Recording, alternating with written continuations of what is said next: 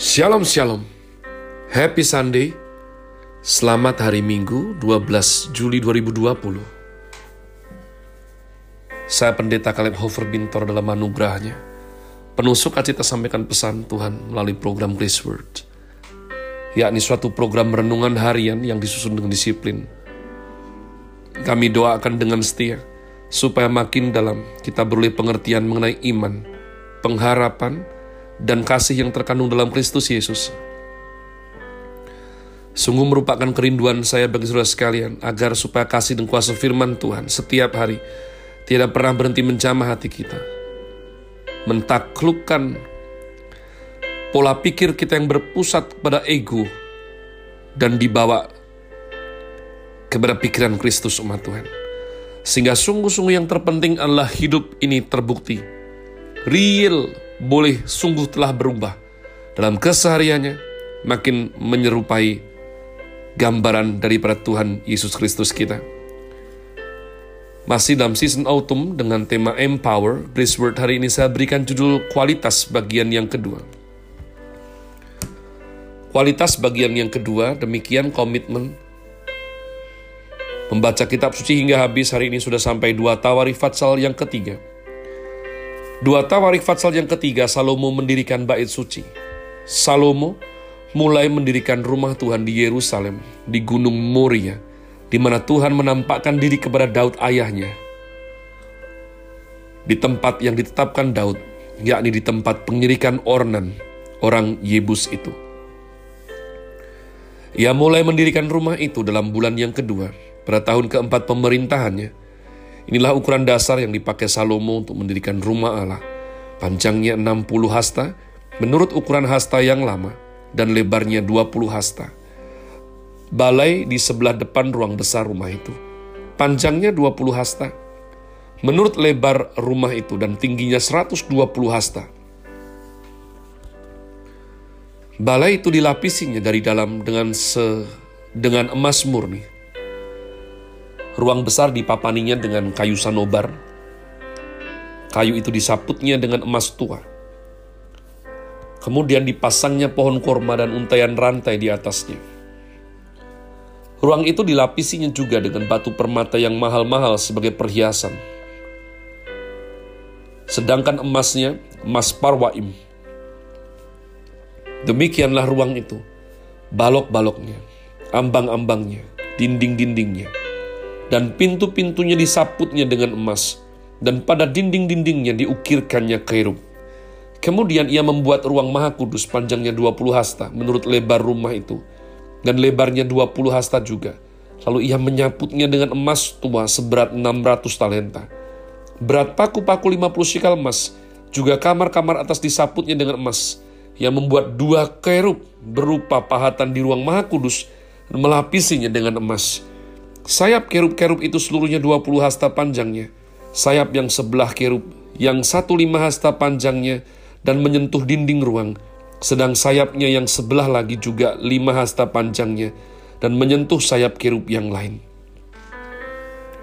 Begitu pula sayap kerub yang lain itu lima hasta panjangnya, dan menyentuh dinding ruang, sedangkan sayapnya yang sebelah lagi juga lima hasta panjangnya, dan bersentuhan dengan sayap kerub yang pertama.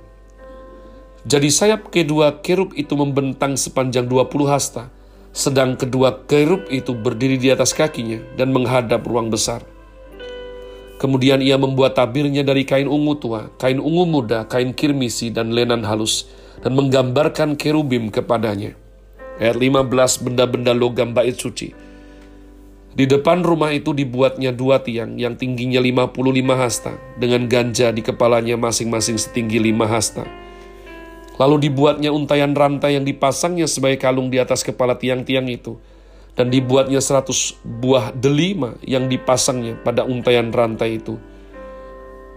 Tiang-tiang itu didirikannya di depan bait suci, yang satu di sebelah kanan dan yang lain di sebelah kiri. Tiang kanan dinamainya Yahin, dan tiang kiri Boas, umat Tuhan. Pada waktu membaca daripada perikop ini, Roh Kudus memberikan pengertian. Dalam perjanjian baru, begitu ditekankan bahwa sudah tidak ada bait Allah lagi, yang ada adalah bait suci, dan bait suci itu adalah kamu, adalah engkau dan saya, adalah kita umat Tuhan. Dan kita disebutkan ditebus dengan darah yang mahal. Saudara harus perhatikan penekanan darah yang mahal, melampaui emas dan perak dan permata. Kalau kita sudah berurusan dengan emas umat Tuhan, ya, itu adalah materi pemersatu di dunia ini. Engkau mempunyai uang rupiah banyak, bisa jadi tidak ada harganya di Amerika.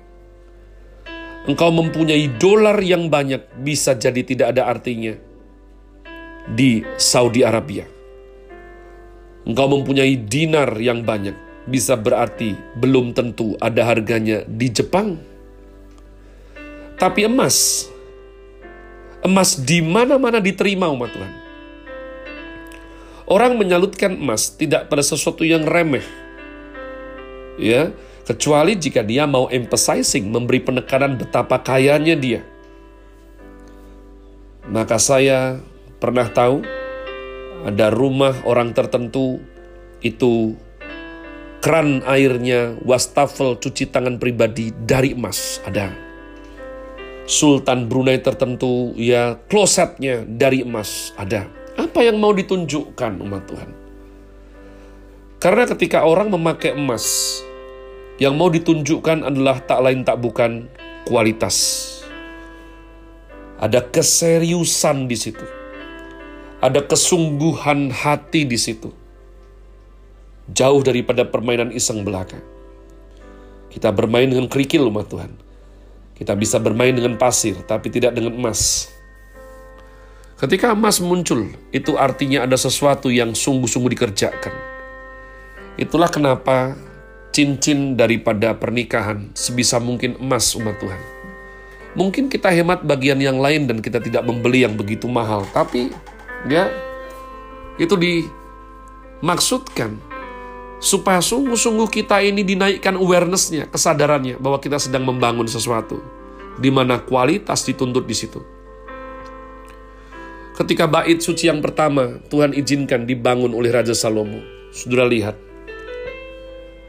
perikop ini memberikan kita wawasan begitu banyak mengenai penggunaan emas disalut oleh emas, disaput oleh emas, dilapis oleh emas umat Tuhan.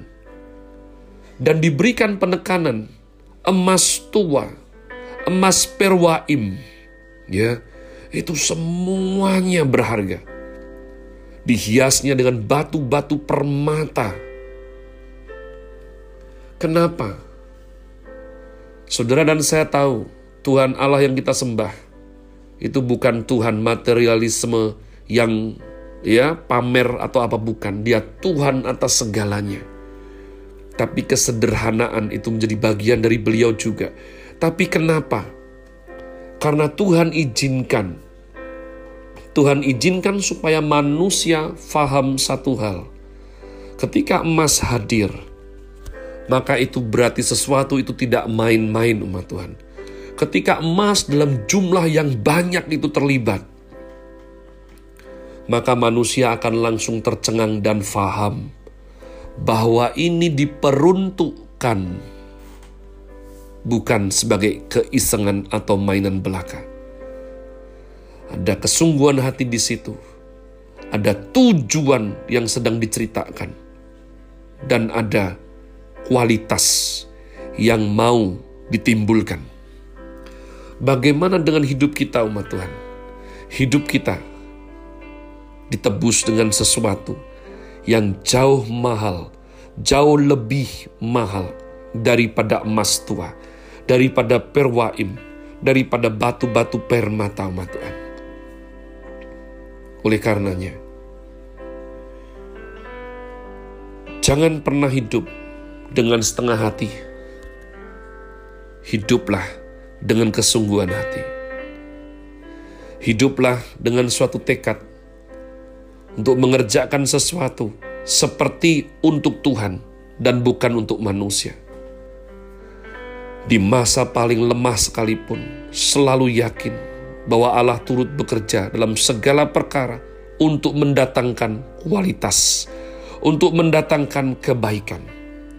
Dan segala perkara, sungguh-sungguh segala perkara, perkara sesulit apa pun, dapat kita tanggung dalam Kristus yang senantiasa memberi kekuatan dalam kehidupan ini.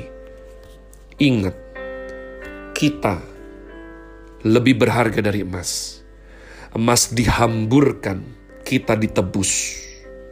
Oleh karenanya umat Tuhan, mulai hari ini, punyai wawasan tanggung jawab, punyai wawasan kesungguhan hati, punyai komitmen, sehingga hidup ini boleh muncul suatu kualitas. Dan ketika orang melihat, mereka takut dan gentar, sungguh kamu orang yang sayang kepada juru selamatmu. Engkau orang yang sayang Tuhan dan disertai pekerjaan tanganmu. Sebab ketika kami melihat pekerjaanmu, atau ketika kami melihat keluargamu, atau ketika kami melihat cara kamu melayani Tuhan, tutur katamu, kami melihat satu perkara, satu perkara yang daripadanya kita tahu itu serius, tidak mungkin dibikin tanpa kesungguhan hati. Satu perkara itu kosa kata manusia menyebutnya dengan kata kualitas. Sekali lagi happy Sunday.